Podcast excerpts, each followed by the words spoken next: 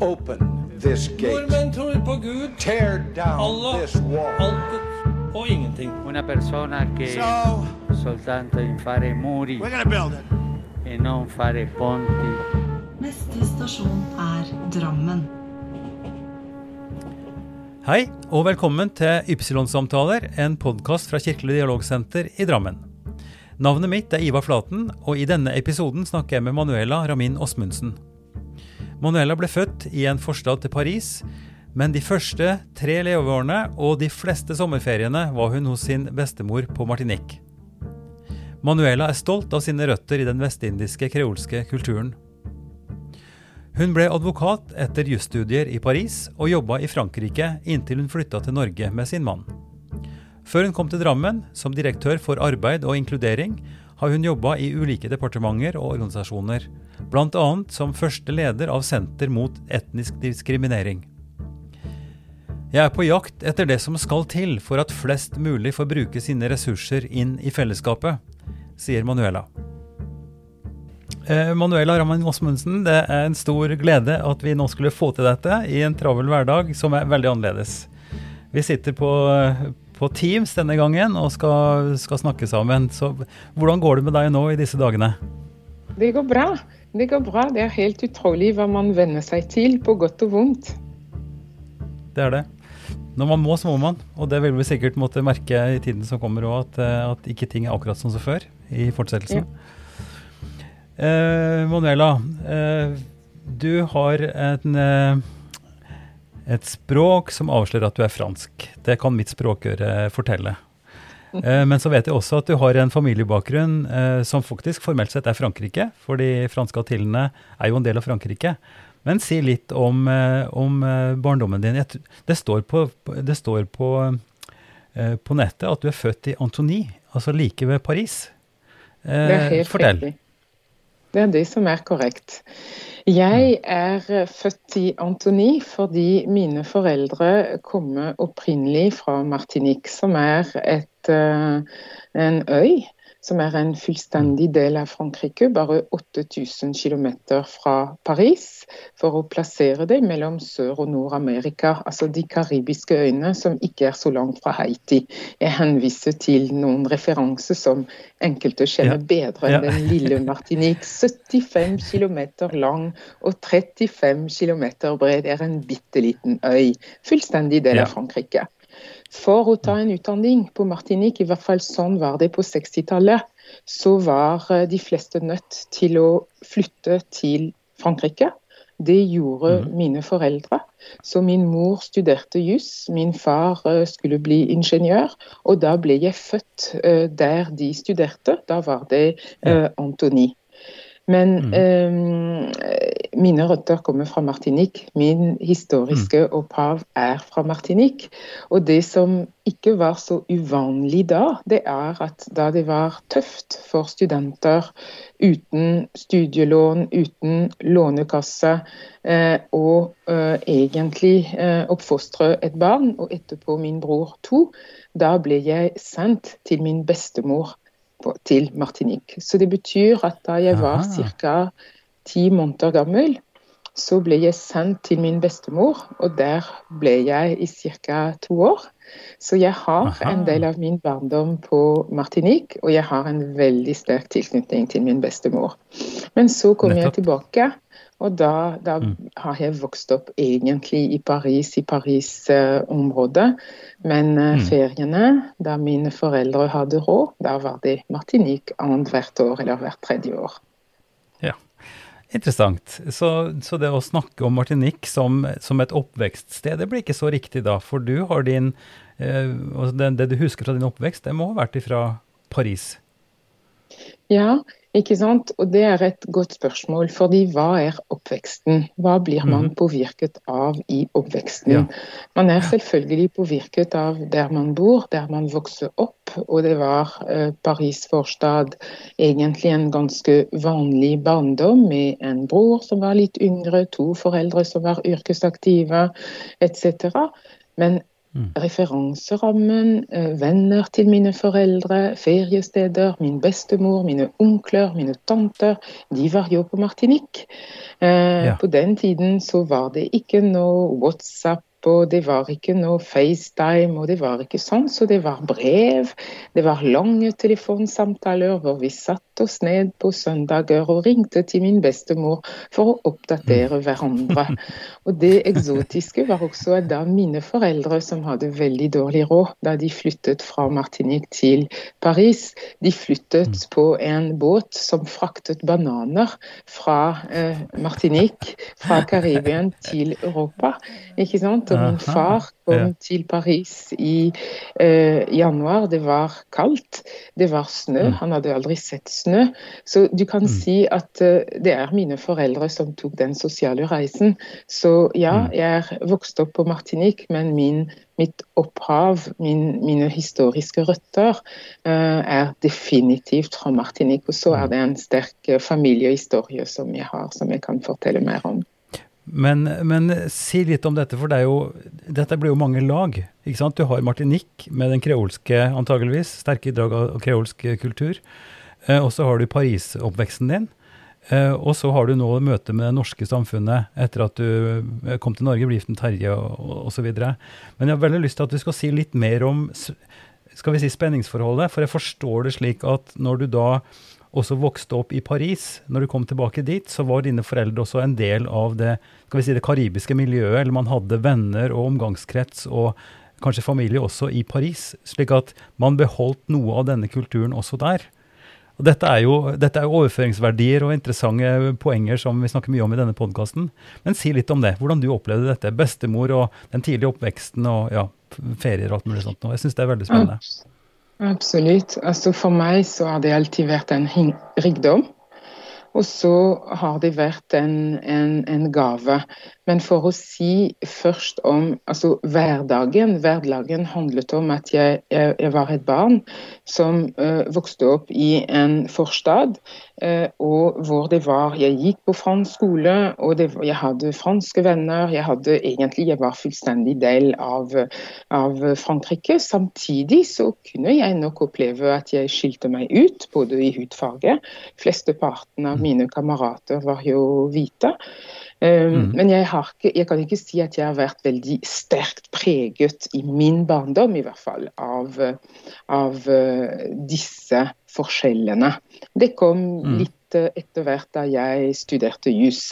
Men eh, den historiske arven også er, er sterk i min familie, fordi min bestemor fra min mors side, hun hadde seks søstre. Eh, Og to av de, og da snakker vi om mellomkrigstiden, de var med på å starte en bevegelse sammen med Aimé Césaire, som er en kjent eh, politiker og fransk forfatter, for det meste fransk forfatter, eh, sammen med Leopold Sédar Senghor, som har vært stats... eh, minister, og så eh, de var med på å starte negritude-bevegelse. Det vil si den Negritude. bevisstgjøringen. Ja, og negritude, og det er et spesielt ord, ikke sant. Når vi hører negritude, så hører vi stammen neger, som er en negativ konnotasjon. Men negritude er det vakre i å være svart. Og negritude-bevegelsen, det er den bevegelsen som de to søstrene var med på å starte sammen med andre studenter. Og hvorfor det? Fordi de gjorde den samme reisen som mine foreldre gjorde 40 år før. Så en av de eh, tantene mine, søstrene til min bestemor, de var blant de første svarte som studerte på La Sorbonne. Og da oppdaget de at de var ikke bare svarte fra Martinique, men det var andre svarte fra andre koloniene. Og i mellomkrigstiden så var behovet for å skape en positivitet rundt dette med å være svart veldig fremtredende for dem. Eh, Og det er det de var med på å gjøre, vil si å fremhøve de kulturelle assosiasjoner til positivitet, positiv kultur, positiv musikk. Bare det som er så veldig enkelt, det er at man kunne betegne seg som vakker Mm. og Mm. svart, mens de referanserammene til skjønnhetsidealene var veldig sterkt Mm. preget av uh, en annen type hudfarge. Så eh, den uh, sterke tilknytningen til disse grandtanter, den har jeg på et vis med meg. Den har jeg arvet.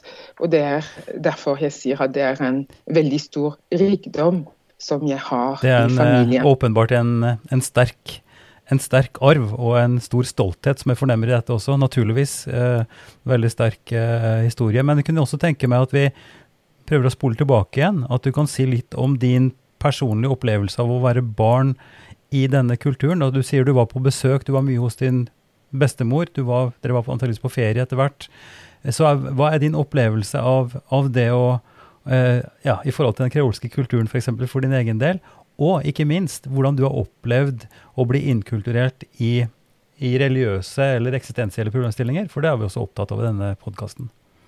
Ja. Uh, jeg, jeg var et barn egentlig, og min bevissthet om eh, disse tingene det er preget av å være barn. Så det var for Mm. meg fantastisk å kunne ha ferie i Karibien, å kunne svømme, å kunne bade, å kunne spise eksotisk. Det var egentlig noe som jeg hadde i tillegg. Eh, Så, Mm. så det er egentlig den, den opplevelsen av at min referanserammen, den var, den var bare større. Ikke sant? Mm. At eh, når, for å si det litt sånn spissformulert, når i Frankrike på den tiden, jeg er jo født i 1963, så spiste man frukt, og da var det bananer og epler og pærer. Og så visste jeg at mango og guayava og papaya, det var også en annen bredde i hva man kunne få som type frukt. Så det er på en måte en billedliggjøring av det som var mine opplevelser. En veldig sterk rikdom, en veldig sterk positivitet rundt å Mm. ha noe som var eh, vakkert, som var flott, som var bredere.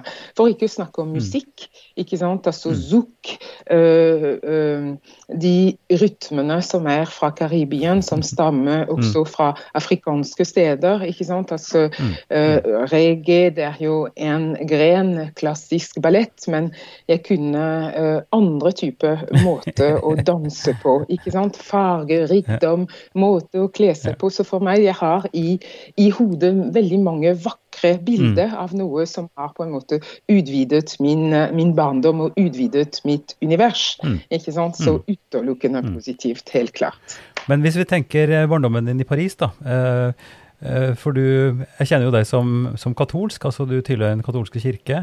Hvordan var eh, oppveksten? Hadde dere sterke tradisjoner i forhold til kirken og sånt, og i din oppvekst som du husker tilbake på i, i Paris?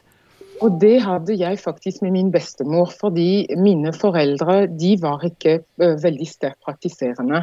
Så jeg uh, praktiserte med den sterke tilknytningen til min bestemor. Jeg gikk i kirken med min bestemor både da jeg var bitte liten, men etterpå da jeg var på ferie. Og enkelte ganger så var jeg på ferie alene hos henne. Mhm. Så det er Mhm. den, uh, den tilknytningen som jeg hadde til religion.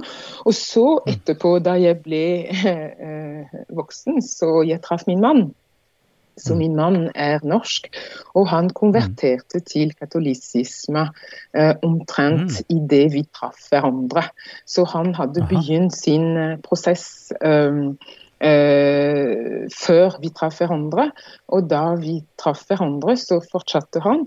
Og jeg eh, tok faktisk konfirmasjon. Jeg ble konfirmert eh, samtidig med at vi døpte vårt første barn.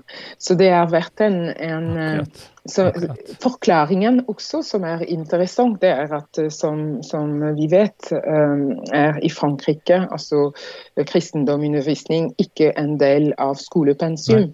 Så da, eh, i og med at mine foreldrene ikke var praktiserende, så har jeg ikke fått den undervisningen. Det er noe som Nei. man måtte ha som en fritidsaktivitet. Så, Mm. så da var det et bevisst valg som, som jeg gjorde først, i kraft av å ha den sterke tilknytning til min bestemor, og så etterpå, sammen med min mann, at vi bestemte oss for å være katolikke begge to, egentlig, og bekrefte den, eh, den tilknytningen. Spennende historie. Spennende historie. Vi ser Mm. jo også faktisk i dag at uh, i Den norske kirke så er det veldig mange som, som blir døpt før de blir konfirmert. Altså Av samme, åpenbart samme årsak, at foreldrene ikke hadde den tilknytningen til kirken, men de ønsker å, uh, å konfirmeres, og da må døpes først. Så det er noe av det samme, samme dynamikken. Du lytter nå til podkasten Ypsilon-samtaler, og i denne episoden snakker jeg med Manuela Ramin Osmundsen. Men eh, Manuela, du, du forteller om ungdom, ungdomstid i Paris, eh, eh, skole. Eh, dine grandtanter som var de første stolte kvinner på, på Sorbonne. Hvor tok du din eh, jusutdannelse? Du kan kanskje si noe om skolegang og sånn generelt, ganske kort også? Ja, skolegang var egentlig helt vanlig. Jeg tok et sånt uh, artium eh, i eh, forskjellig eh, sånn eh, ungdomsskole i Argentøy, som var den forstaden etterpå hvor jeg bodde. Og så etterpå Mm. så uh, tok jeg min videre utdanning uh, Lycée Paul Valéry, som var i tolvte område i Paris. Uh, mm -hmm. Og så etterpå bestemte jeg meg for å studere juss, og da studerte jeg på det konservative eh, fransk universitet som heter Assas, og der tok jeg mitt eh, eh, kan-jur på Assas. Eh, og så er det etterpå så tok jeg en spesialutdanning i EU-rett på La Sorbonne, så da var det Ja, midt ja. i, i Paris. Og så Du, valgte du, jeg du, sa, du sa noe om at eh, eh, Du sa noe om at det var et konservativt Jeg har notert meg at det heter, det heter Pantheon Assa. Eh, Ja. Hva ligger i at det er konservativt? Si litt om det. Ja, altså Assas er en, et eh, sånn veldig godt uh, juridisk eh, fakultet, men det er også kjent for å være en sånn veldig konservativ fakultet, uh, hvor det er, man sier, og det er også riktig, at det er eh, en god del mennesker som er i det ytterste øret. Eh, og det Mhm. hadde jeg faktisk en opplevelse av da jeg tok et av de fagene. og det, det, er ikke som i Norge at når du tar eksamen, i hvert fall muntlig, at det er to sensorer. Sånn var det ikke da. Og da kan jeg huske at det var eh, en professor som eh, tok meg opp til eksamen, og som innledet samtale med å og spurte hvor jeg kom fra. Og da sa jeg ja, men jeg kommer fra Frankrike, og da kom det hvor kommer du egentlig fra? Nei, jeg kommer fra Martinique. Og da spurte jeg hva er relevansen av det spørsmålet? Og så sa han i fullt alvor det endrer karakteren. Og da sa jeg What? på hvilken måte? Og da sa jeg ja, men den blir selvfølgelig lavere. Og det var på en måte innledningen til eh, Wow. opptak til eh, en av de flere eksamene som jeg tar. Så det er det, jeg, jeg, jeg vil ikke si at jeg eh, Men jeg, jeg husker det. Jeg husker det. Jeg kan ikke si at min barndom eller min ungdomstid eller min studieteam har vært overdrevet preget av diskriminering, men det er i hvert fall ett eksempel som, eh, som Mm. viser at det universitetet er egentlig beryktet for Mm. å være veldig, veldig konservativ og enkelte steder litt i overkant. Men det var ikke klagemuligheter, og det var jo ikke noe vitne. Så det var bare å gjøre så godt man kunne for å besvare og tenke at ja ja, sånn er det. Men det var åpenbart mer enn godt nok, eh, for du har tatt dine grader, og du har, du har gjort det godt, så vidt jeg vet. Altså, du, du har også du blitt en del av, eh, av, av advokatlauget på en måte i Paris også, stemmer ikke det?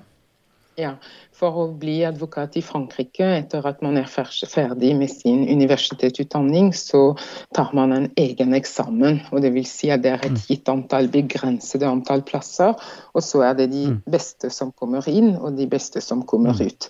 Så jeg valgte å bli advokat, og så har jeg praktisert som advokatfullmektig i to år i Paris, men da hadde jeg allerede truffet min mann. Og så uh, vi nærmer oss uh, 90-tallet. Eh, Ja. hvor, eh, hvor eh, i 1991 så bestemte vi oss for å flytte til Norge. Hmm. Vi, eh, vi må kanskje bare dvele litt grann mer med Paris og Frankrike, fordi vi ser jo i de siste, skal vi si, de siste årene Eh, at det har vært veldig mye spenning. Eh, altså at det har vært eh, store spenninger i forstedene, eh, dramatiske bilder eh, eh, hvor motsetningen da, mellom, eh, mellom kanskje spesielt, eh, og ikke spesielt, men muslimer, og også fra Marokko og Algerie eh, Hele den historien til Frankrike antageligvis også spiller inn i det. Men hvordan har du opplevd den spenningen, altså imellom eh, ja, immigranter, innvandrere, inn i det franske samfunnet? Jeg har ikke opplevd det eh, som eh, Du kan si jeg har ikke opplevd det som, som eh, person som vokste, altså som elev. Nei, Det kan nei. jeg ikke si at jeg har. Uh, men da jeg begynte uh, som advokatfullmektig, da var det en et av de oppdragene når man er ung advokat, at man Mm. gjør det som er de comparution immédiat, dvs. Si at de som er tatt på fersken, de blir dømt eh, umiddelbart. Og da må de ha en sånn forsvarsadvokat som kommer og hjelper til. Og det er klart at det Mm. var en, eh, en eh, enormt eh, antall eh, personer som kom fra forstedene. Men litt sånn nærmere så syns jeg den filmen som er akkurat kommet ut, som heter De elendige, eh, som er Ja. kommet ut faktisk i Oslo, altså Les Miserables, De elendige, den filmen av Mm. eh, Laj Lee. Det er en fantastisk film om, som beskriver en veldig tragisk situasjon. Eh, jeg må si Det gjør ganske vondt å se den filmen og komme selv fra Frankrike, fordi den problemstillingen har eksistert i veldig mange år. Disse forstedene de ble bygd opp eh, med en veldig god intensjon. Intensjonen Mm. var å sikre bolig til personer som hadde lavinntekt, på en Mm. veldig rask måte. Eh, Bare Mm. at for å si det litt enkelt, man glemte at det var ikke nok å ha en bolig, man måtte også ha et sted å gjøre. Eh, Og man måtte Mm. ha et nærmiljø som var preget av aktivitet, ikke preget av Mm. passivitet. Men når disse personene hadde kun bolig, en bolig, dvs. Si ikke arbeid, eh, ikke familiene rundt, bodde trangt, og disse Mm. områdene Mm. var egentlig bare steder hvor de skulle bo, les, sove, så har Mm. problemstillingene eskalert og ble aldri løst. Og Den filmen så jeg egentlig rett før koronatiden. Jeg tror jeg så den i februar. Og jeg fikk en enorm avmaktfølelse da jeg kom ut av kinosalen. Og jeg tenker Hmm. så mange barn og ungdom som er dømt til å ikke komme ut av den situasjonen. Mm. Og det, Mm. det, det syns jeg er veldig, veldig, veldig sterkt. eh, Å tenke at det er tusenvis av ungdommer som er født på disse stedene, og som kommer ikke til å kunne komme ut av det. Problemstillingen er så omfattende. Men dette Manuela, er jo en del av, veldig sentral del av det som du har eh, jobbet med nå de senere årene, eh, og også nå som direktør for, eh, for eh, inkludering og arbeid i, i Drammen. Men før vi kommer så langt og reflekterer nærmere på det, altså dette er jo et bilde som vi har sett forsterket gjennom f.eks. Hegge Storhaugs bøker som snakker om motsetningene som gjør det til en, på en måte en religiøs eller en kulturell konflikt. Vi ser det fra, Sverige, ikke sant, med, med forstedene der, som også blir brukt i både retorikk og som er skremmende bilder. Eh, og vi kan snakke om, eh, om vår egen by her, med de arbeidet det arbeid som vi gjør for å motvirke den type eh, resultater. Men, men veien er et stykke. Vi må si bare litt mer også om når du nå kom til Norge fra Frankrike eh, med EU-rett i bagasjen. altså Du, du kjente godt til, altså du kjenner godt til Europa åpenbart, som europeer. Eh, men hvordan var det å komme da til Norge, det vesle, rare landet i, i nord, eh, og skulle etablere seg der, som du gjorde jo ganske fort eh, med, med de jobbene du har hatt og sånt nå der. Men hvordan var det? Ja, det er en uh, veldig flott historie, syns jeg. Uh, fordi jeg er uh, gift, ikke sant, norsk.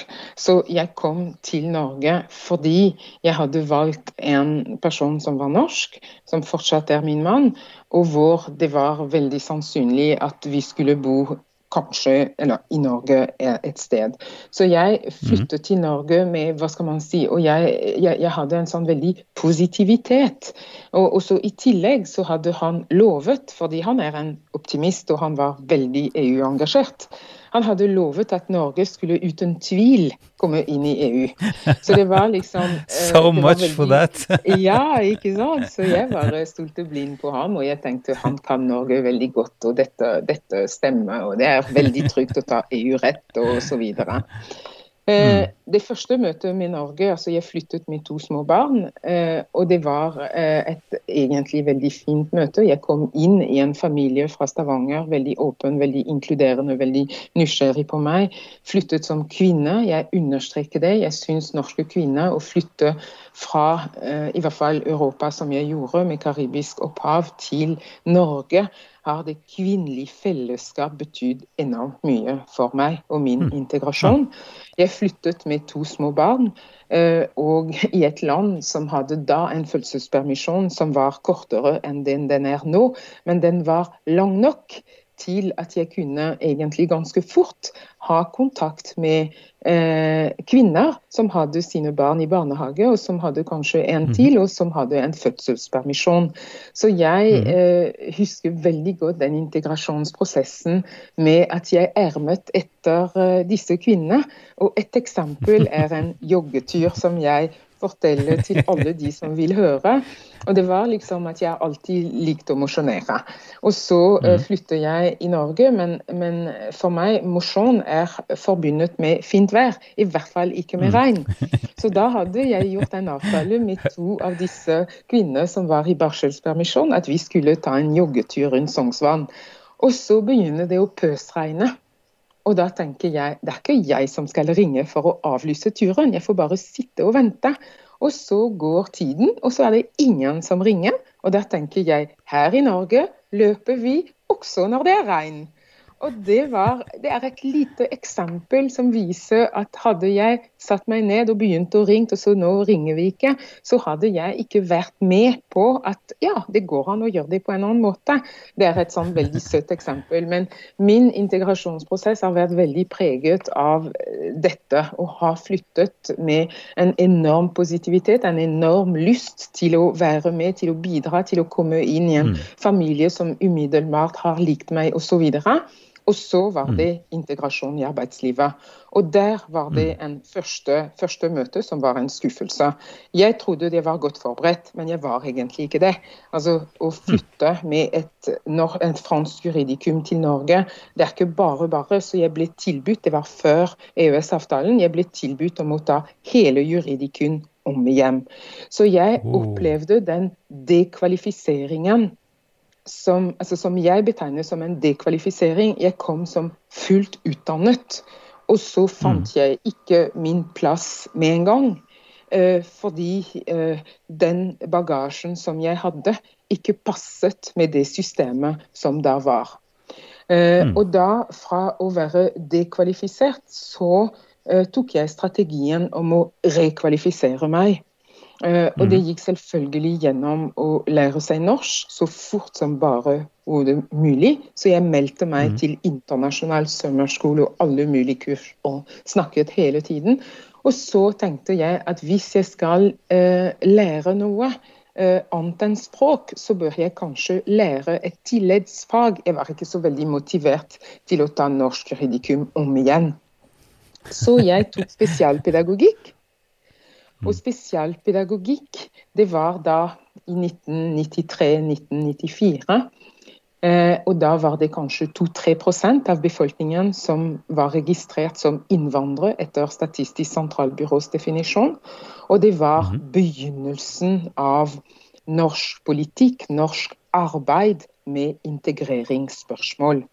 Og jeg oppdaget migrasjonspedagogikk ved å studere dette faget. Og så plutselig så var det en form for åpenbaring. Dette er utrolig spennende. Og så, eh, med det i bagasjen, så begynte jeg å søke jobb. Eh, og så eh, fant jeg, eller jeg ble ansatt i en sånn midlertidig 50% stilling som eh, førstekonsulent i Utlendingsdirektoratet integreringsavdeling. Og da var oppgaven å jobbe med eh, mot kommunene for å se på hvordan, hvilken type prosjekter, hvilken type prosesser man skulle utvikle for å få fart på integrering. Så da opplevde jeg også at min, eh, hva skal man si, mm, både min kompetanse, altså å jobbe som jurist og byråkrat, kom plutselig ekstra godt til nytte når jeg kunne bruke den eh, personlige kompetanse som jeg da hadde. Det hjelper alltid å kunne ha levd igjennom problemstillingene og kjenne det litt i magen og, og ha den vinklinga på ting. Eh, den teoretiske kunnskapen som du leser deg til, eh, kan være god nok, men, men jeg tror det er en stor, stor styrke, og det vet jeg jo også fra egen erfaring, at jeg har levd, levd en stund. Det å ha prøvd forskjellige ting. Det å skulle ha uh, ulike erfaringer, ulike knagger kan vi si, og henge erfaringer på også, gjør det både sterkere og mer effektivt også å studere senere. Og er en type kvalifisering som er en real, realkompetanse som man ikke ellers vil få. Så der vil jeg tro du med din entusiasme og di, din bakgrunn, på tross av at du da måtte Eller måtte du rett og slett skrote jussen? Hadde du altså ikke fått praktisert jussen annet enn som igjen da, realkompetanse og formell franskkompetanse? kompetanse. Du er ikke godkjent som jurist eller, eller eh, noe sånt? Min, min, eh, mitt juridikum er anerkjent som høyere utdanning. Og så fikk jeg godkjent de internasjonale fagene på samme måte som, eh, som eh, eh, ja, andre internasjonale fag. Men jeg kunne ikke praktisere som advokat. Så da kunne Nei. jeg eh, søke på jobber basert på en høyere utdanning. Ikke sant? Ja, Eh, og, Mm. og da er det sånn saksbehandler i Utlendingsdirektoratet, så er det en høyere utdanning som, som Ja, man ja, trenger. ja. Og så, ja. Du lytter nå til podkasten Ypsilon-samtaler, og i denne episoden snakker jeg med Manuela Ramin Osmundsen. Men det som, som, altså den samtalen om kompetanse, og hva er det som er tilleggskompetanse Man snakker veldig mye nå eh, om mangfoldskompetanse. Og jeg sier ikke at enhver person som har en eller annen eh, flerkulturell eller utenlandsk eller en utenlandsk erfaring, trenger den kompetansen og må bruke den kompetansen, men i enkelte situasjoner, i enkelte jobber, i enkelte funksjoner, så er det faktisk en nødvendig tilleggskompetanse som er veldig Ja. nyttig. Og det opplevde jeg eh, veldig tidlig. Og etterpå så, eh, så, så er det noe faktisk som også norske myndigheter har sett, fordi da arbeidet med introduksjonsprogrammet for flyktninger, dvs. Si den systematikken for å bygge opp CV-en og kompetansen til flyktninger som kommer til Norge, da har man erkjent at den kompetansen som de har, eh, må på en måte materialisere seg og formaliseres. Så det er, eh, det er jo veldig bra. Så, så det var eh, mitt innpass. Og så var det litt sånn ulike strategier. Bare snakke norsk og ikke snakke fransk og sånt. Men det er klart alltid bære sin identitet. Og det er å komme i et annet land. Det er, noen, det er virkelig noen forskjeller. Og på det private plan så, så syns jeg at selv om Frankrike og, og Norge er ikke så langt fra hverandre, å være mor i Norge eh, og oppleve en litt annen referanseramme i forhold til barneoppdragelse, i forhold til hva som er viktig. Eh, og i min familie så er min familie er dette med å jobbe og gjøre nytte for seg veldig viktig. Og i min familie så har vi en sånn motto. Det er at i livet så bidrar man etter evner. Jo mer evner man har, jo mer forpliktet man er til å bidra. Så, så, så for meg, i min referanseramme, og jeg husker sånne selskap og man spurte høflig ja, hva gjør du, hvor lenge har du vært i Norge? Og, ja, jeg er kommet uh, kanskje for tre måneder siden, seks måneder siden. Og, ja, du har små barn. Ja, men da har du nok å gjøre. Og det var for meg en sånn setning som var bare helt forferdelig. Akkurat som å ha barn og være i Norge. Det var på en måte mitt lodd i livet, og da hadde jeg nok å gjøre. Ikke sant? Og det, jeg forstår at det svaret nå har mange flere lag, men, men for meg har det alltid vært viktig da, å bidra og gjøre nytte for meg, og, og finne strategier som gjør at jeg kan bruke meg selv. Ja. Men, men det er klart, eh, det du sier også kan er et sårbart utsagn, fordi mange vil si, eh, sånn som i, i hvert fall min foreldregenerasjon, min mor, eh, vi var seks søsken, jeg er den eldste, og vi var på gård, så hun jobba mye med gårdsarbeid, Hun hadde ansvar for klær, altså den ikke sant? Så det er, et, det er et drøyt stykke arbeid og mye jobb, og hun jobbet døgnet rundt nesten. Ikke sant? Så det at å være mor er jo ikke Det kan være så veldig mange ting. ikke sant? Det å ha ansvar for husholdningen, for dyr, for alt mulig. Så, så det å, å, å, skulle ha små barn, og at det skulle være nok for noen, ja, nok, helt sikkert. Men den franske følelsen, din familiefølelse, er ja, nei, det gjør man bare, og så skal man jobbe. Ikke sant? Det virker som det er to helt forskjellige ting i ditt hode? Og Det er det som er interessant når vi snakker om språk og kultur. ikke sant? Fordi i språk så er det veldig mye kultur. Og dette med at ja. uh, Jeg snakker om en episode som var i 1993-94, ikke sant? med disse barn som var da etter hvert to, tre, fire år. Uh, men, mm. men at du sier noe, men jeg forstår det du sier, men jeg forstår egentlig ikke alle de lagene som ligger under. Nei. Og Da også snakker Nei. vi om begreper som er helt like. Men hvis jeg tar f.eks. det som jeg liker veldig godt, da, og sier at ok, nå går vi tur ikke sant? i Norge, mm. ut i mm. det fri, og så skal vi raste. Ikke sant? Mm. Dette med å raste.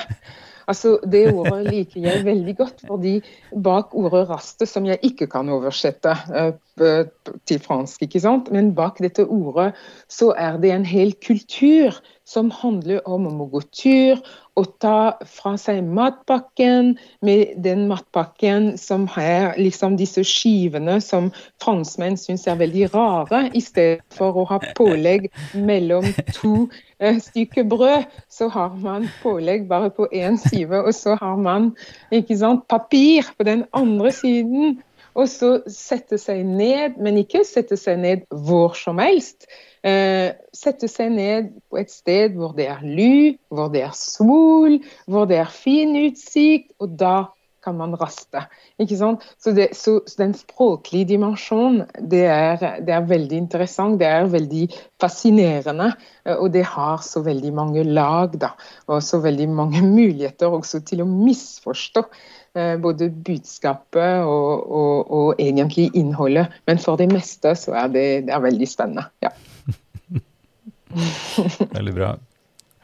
Eh, vi må komme litt inn på ditt møte med, med Drammen og prosessen der, hvor du nå i, i, ganske lang tid har vært med på å bygge opp noe helt nytt. En ny kommunestruktur, sammenslåing og et, et, nytt, et nytt prosjekt. Og der du kom inn og fikk jobben med ansvar for dette feltet som vi da i vid forstand kan si inkludering, integrering kanskje også, og, og det å forstå nettopp dynamikken mellom eh, folk med ulike referanser, ulik kultur, ulik eh, bakgrunn, som skal leve sammen i, i, dette samfunnet vi har her, og fungere godt sammen og kunne yte, eh, som du sier.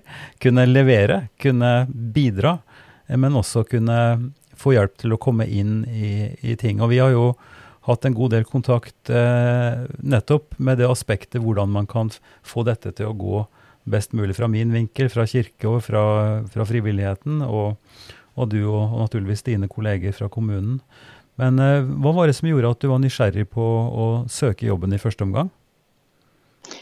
Altså, det er en, eh, en eh, Hva skal man si en, eh, Egentlig et veldig fascinerende oppdrag. Det er en fascinerende ambisjon. Eh, og det er ikke en, en, type stilling som jeg hadde sett andre steder. Så det var egentlig kombinasjon av de ambisjonene som, som Drammen kommune og det var daværende fellesnemnda hadde, for å mm. si at uh, vi vil noe positivt. Vi vil noe mer uh, med dette området, og vi, uh, vi tar det på høyeste alvor. Um, og så var det den erfaringen som, som, jeg har, men virkelig nysgjerrig på dette prosjektet. Og, og det spennende å forme noe på, på, denne måten. Og så ble jeg veldig fascinert av den tverrfagligheten. Nettopp fordi, som du sier, uh, Ivar, altså å jobbe med inkludering. altså Nå er jeg direktør for arbeid og inkludering, men egentlig så jobber vi alle sammen med inkludering. ikke sant? Det er jo det er jo et veldig komplekst oppdrag som har veldig mange nivåer og veldig mange lag. Vi snakket om lag i forhold til språk og språkforståelse, men det er i høyeste mm. grad også i forhold til inkludering. Det er komplekst. Det er både veldig enkelt, som du sier. Det handler om at uh, i hvert fall sett fra mitt ståsted, det er å bruke ressursperspektiv. At så mange som mulig skal kunne bidra. Og når jeg sier mm. så mange som mulig, det er så få som mulig skal bli eh, utelukket, skal bli satt til side, skal bli ekskludert. Og da snakker jeg ikke bare om den dimensjon som var inne på, å komme utenfor og ha en utenlandsbakgrunn. Men jeg snakker også om andre dimensjoner, og spesielt levekårsdimensjon. Snakker om dimensjon personer med nedsatt funksjonshemme, eh, personer mm. eh, eh, med rus og psykisk helse. Altså, mm. det, det, er sånn jeg, jeg, tolker den ambisjonen og dette oppdraget om å ha et mm. varmt, for å bruke et folkelig ord, varmt, mm. inkluderende, åpent samfunn. Samtidig mm. så vet vi at dette området er fullt av konflikter, fullt av mm. interesse, motsetninger og veldig, veldig krevende å håndtere. Jeg tror det er enda vanskeligere nå enn det det var paradoksalt nok da jeg flyttet til Norge i 1991. Mm. Det var mye mer mm. svart-hvitt, ikke sant. Det var mye mer en liten minoritet, og det var de fleste som kom inn, de hadde Ja, de, de kom definitivt utenfra. Og nå er det mm. flere generasjoner, det er flere erfaringsbakgrunn, det er den religiøse dimensjonen har tatt en mye større plass. Eh, den utviklingen som har skjedd i forhold til islam, eh, har også gått i en eh, krevende retning. Så, så det, er blitt, det er blitt enda mer komplekst, og det fascinerer mm. meg. Mm. Jeg, jeg, jeg syns mm. det er fascinerende at en kommune ønsker så mye rundt dette området. Og så må jeg skynde meg med å si at jeg, jeg er byråkrat. Ikke sant? Det er mm. en, en mm. funksjon som direktør som, som, skal ha en enorm respekt for de politiske prosessene som igangsettes mm. nå mens vi snakker mm. rundt dette området. Den kommunen er veldig, veldig, veldig ung. Uh, og vi har jobbet ja, i prosjektorganisasjonen i ett år for å rigge uh, oppstarten og så er mm. det, eh, og det blir mange flere prosesser som vil involvere, som har begynt å involvere selvfølgelig eh, eh, mm. kommunestyret, og også innbyggere. Så, så jeg er liksom en, en, byråkrat. Men den kompleksiteten syns jeg er utrolig spennende. Du lytter nå til podkasten Ypsilon-samtaler, og i denne episoden snakker jeg med Manuela Ramin Osmundsen. Jeg har også lyst til å, å, høre litt hva du tenker om eh, Jeg har nevnt det for flere av dine samtalepartnere. En, en amerikansk sosiolog som heter Putnam, som, eh, som, har reflektert og skrevet mye ut ifra amerikanske forhold spesielt. Da. Men han, en av de første viktige bøkene var jo en som heter 'Bowling Alone'. Mm. Eh, hvor han påpeker liksom at det, det, det, fram, det, oppstår siloer eller veldig sterke grupper som blir isolert fra andre.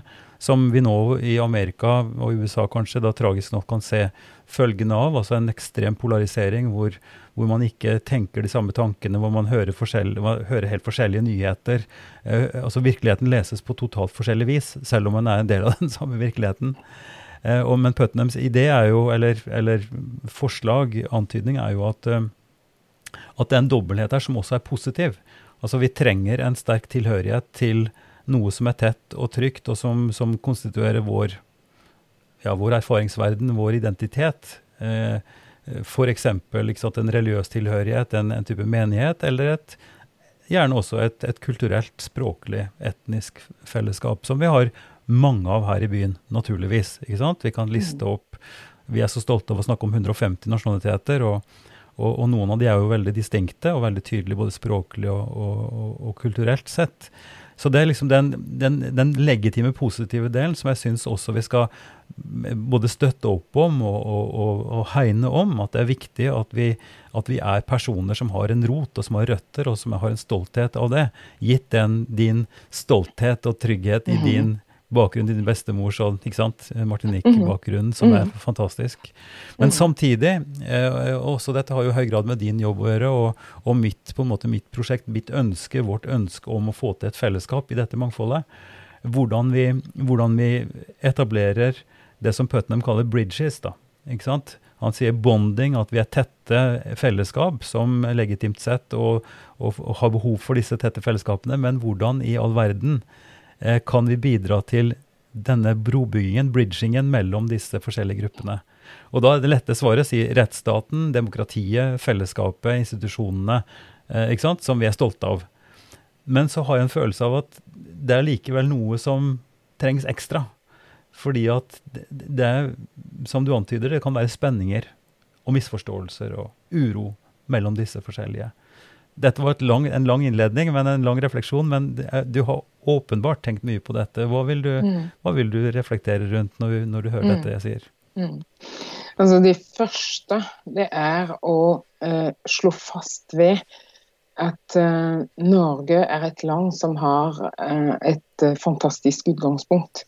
og når vi ser koronakrisen f.eks., eh, og hvordan den slår inn i land som har et helt annet utgangspunkt når det gjelder f.eks. velferdsstaten. Når det gjelder tilliten mellom innbyggerne og eh, beslutningstakere, eh, statsledere. Det er et utgangspunkt som, som, som, det er så lett å ta for gitt. Men jeg tenker at det i seg selv er allerede en oppgave. Det i seg selv, og som byråkrater, å tenke på at den gaven som vi har, som er velferdsstaten, den må pleies. Den må, vi må mm. jobbe på en sånn måte som byråkrater alle sammen, slik at innbyggerne har tillit til oss. Slik at eh, politikerne har tillit til at vi som byråkrater er bevisste vår rolle, er bevisste den kunnskapen som vi skal legge på bordet, slik at de kan foreta noen beslutninger.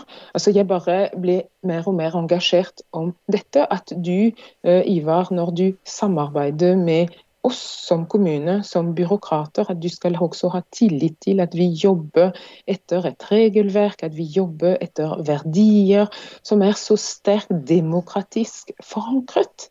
Og det mm. er i seg selv uh, viktig. Og så er det neste. Uh, når man har det fundamentet og, og, jeg bare elsker Norge. Jeg, altså, jeg syns det fundamentet er så sterkt, den er så, så bra. Uh, den mm. bidrar også til at den uh, det bidrar til sosial mobilitet. Jeg kommer som sagt fra et land hvor vi ikke har lånekasse. Hvor for mm. at hvis du bor på Martinique i dag og har et barn som skal studere i Frankrike, så må du betale for alt uten noe støtte fra uh, staten, med mindre din ba mm. ditt barn er blant de 0,5% som er ekstra begavet, og som får et eget stipend. Så dette med å, mm. å, å, å verne om uh, det fundamentet som vi har, syns jeg er fantastisk. Og så er det sånn at det er veldig mange tjenester som er til for å bidra til det gode samfunnet som vi vil ha. Og Det er det fellesnemnda og den politiske plattformen, og etter hvert eh, de eh, våre politikere i kommunestyret har sagt, at vi har veldig gode basistjenester. Ikke sant? Vi har skole, mm. vi har barnehage, mm. vi har kulturinstitusjoner. Og at vi i Drammen skal jobbe mer på tvers. Vi skal sørge for at Eh, det primære skal være at disse basistjenestene som skal omfavne alle, skal fungere godt. Ikke sant? Og Det mm. er også et arbeid for for, for, for meg som direktør og for oss som lederteam. Hvordan bidrar vi til at vi ikke jobber i silo? Men hvordan bidrar Mm. vi til at det er et Mm. godt samspill la oss si, mellom skolene og Nav og barnehagene? Ikke sant? Når en flyktning kommer fra Sudan med eh, eh, bitte små standaler midt i januar, hva er rigget rundt Mm. denne? Mm. Hvordan samarbeider de ulike tjenestene for å bidra til den inkluderingen? Så jeg, jeg bare understreker det, fordi Mm. i de eksemplene som du tar, som er USA, så er utgangspunktet nå totalt annerledes. ikke sant? Og her har vi eh, det grunnlaget så fantastisk. Og så har vi limet. ikke sant? Det er deg og meg, og det er enhver borgere. Hvordan får man det til? At det blir dialog, at det blir kløft. Og der er det også enorme ressurser. altså De frivillige organisasjoner i Norge som er, og i Drammen som er veldig vitale. Det er veldig mange. Jeg har begynt å ha dialog og kontakt, og vi som ledergruppe og kommune har løpende dialog og kontakt med de. En enorm kraft. Eh, hvor eh, vi, vi har ikke eh, utviklet noen strategi ennå for hvordan vi skal jobbe med de frivillige aktørene, men vi er veldig bevisste på at de frivillige aktørene er der. Det har vist seg også under koronasituasjonen nå, mens vi snakker, at de frivillige er veldig deltakende i dette arbeidet. Vi har også næringslivet.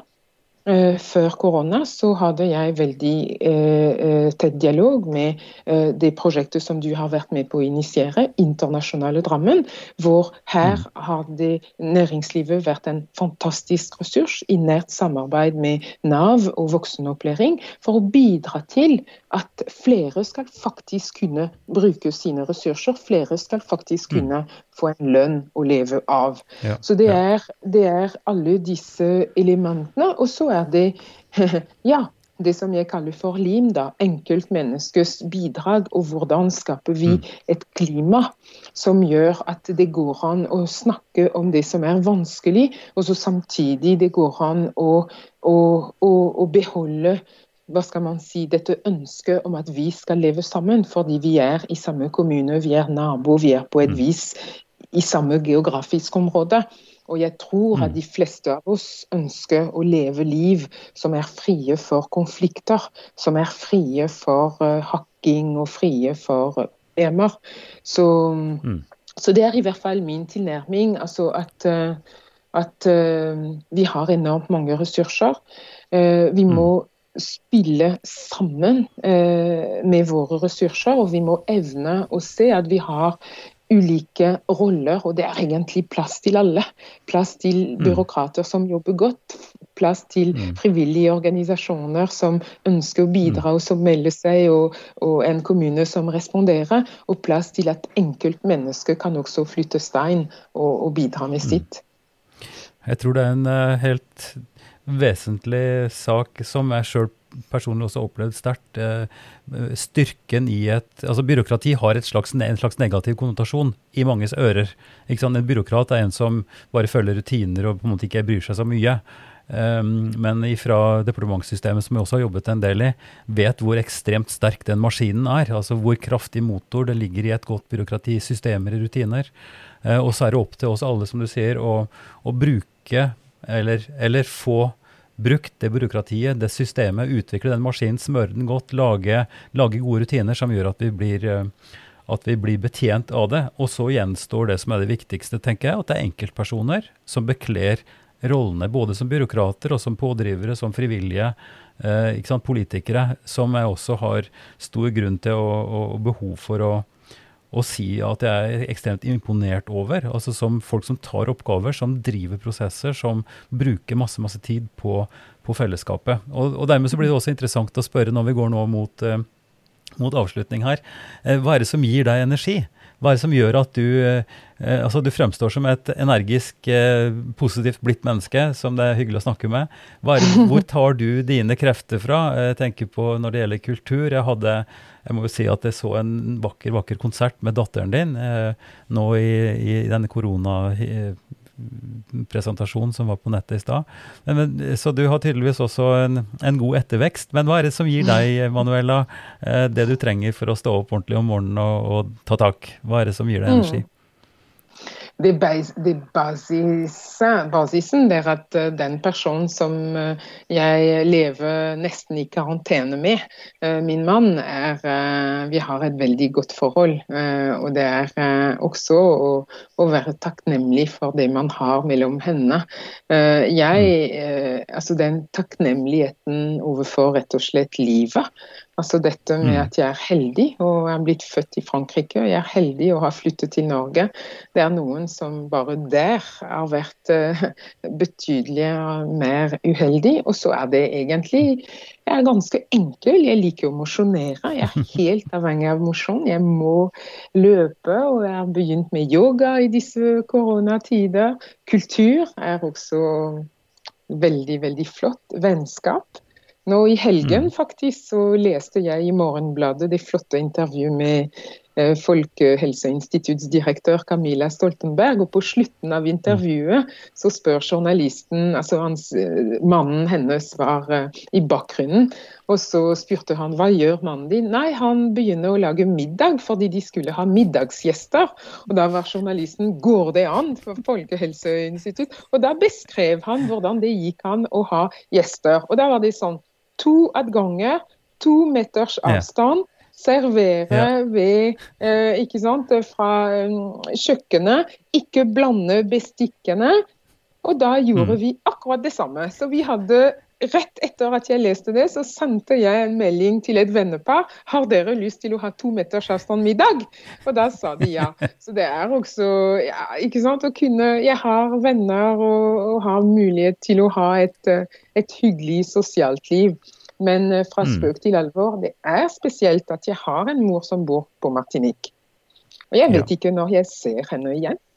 Og jeg vet at hun Nei. er eh, selvfølgelig livredd for å få den, det viruset. Eh, hun bor mm. på en øy. Eh, hun er livredd for at det ikke skal være kapasitet nok til å håndtere mm den situasjonen. Så, så, hva skal man si, jeg er også glad, men så samtidig eh, preget av at vi alle sammen er i samme båt. Og den gleden mm. som vi har alle sammen, eh, den, den, er dempet av å vite at mm. Eh, det er ikke en glede som alle kan dele på samme måte eh, som jeg gjør. da. Ikke sant? Så det, det, er, eh, det er noe med det.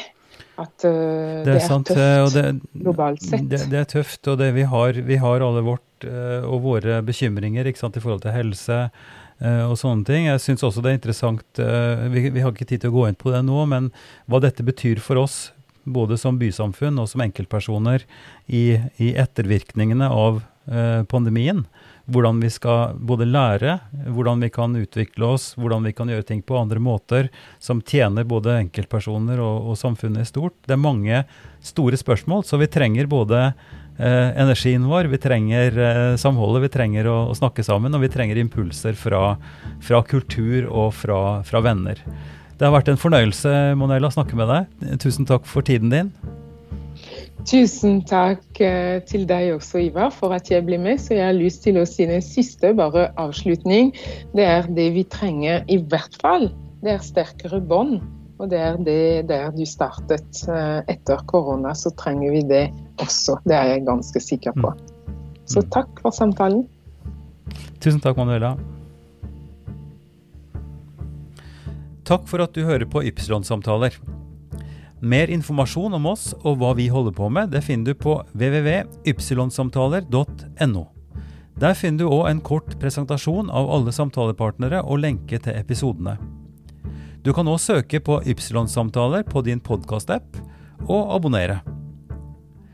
Vi er svært glade for tilbakemeldinger og forslag som du kan sende til ivar at kirkeligdialogsenter.no. Ypsilon-samtaler er støtta av Drammen kommune og Barne- og familiedepartementet. Ansvarlig utgiver er Kirkelig dialogsenter Drammen, ved daglig leder Ivar Flaten.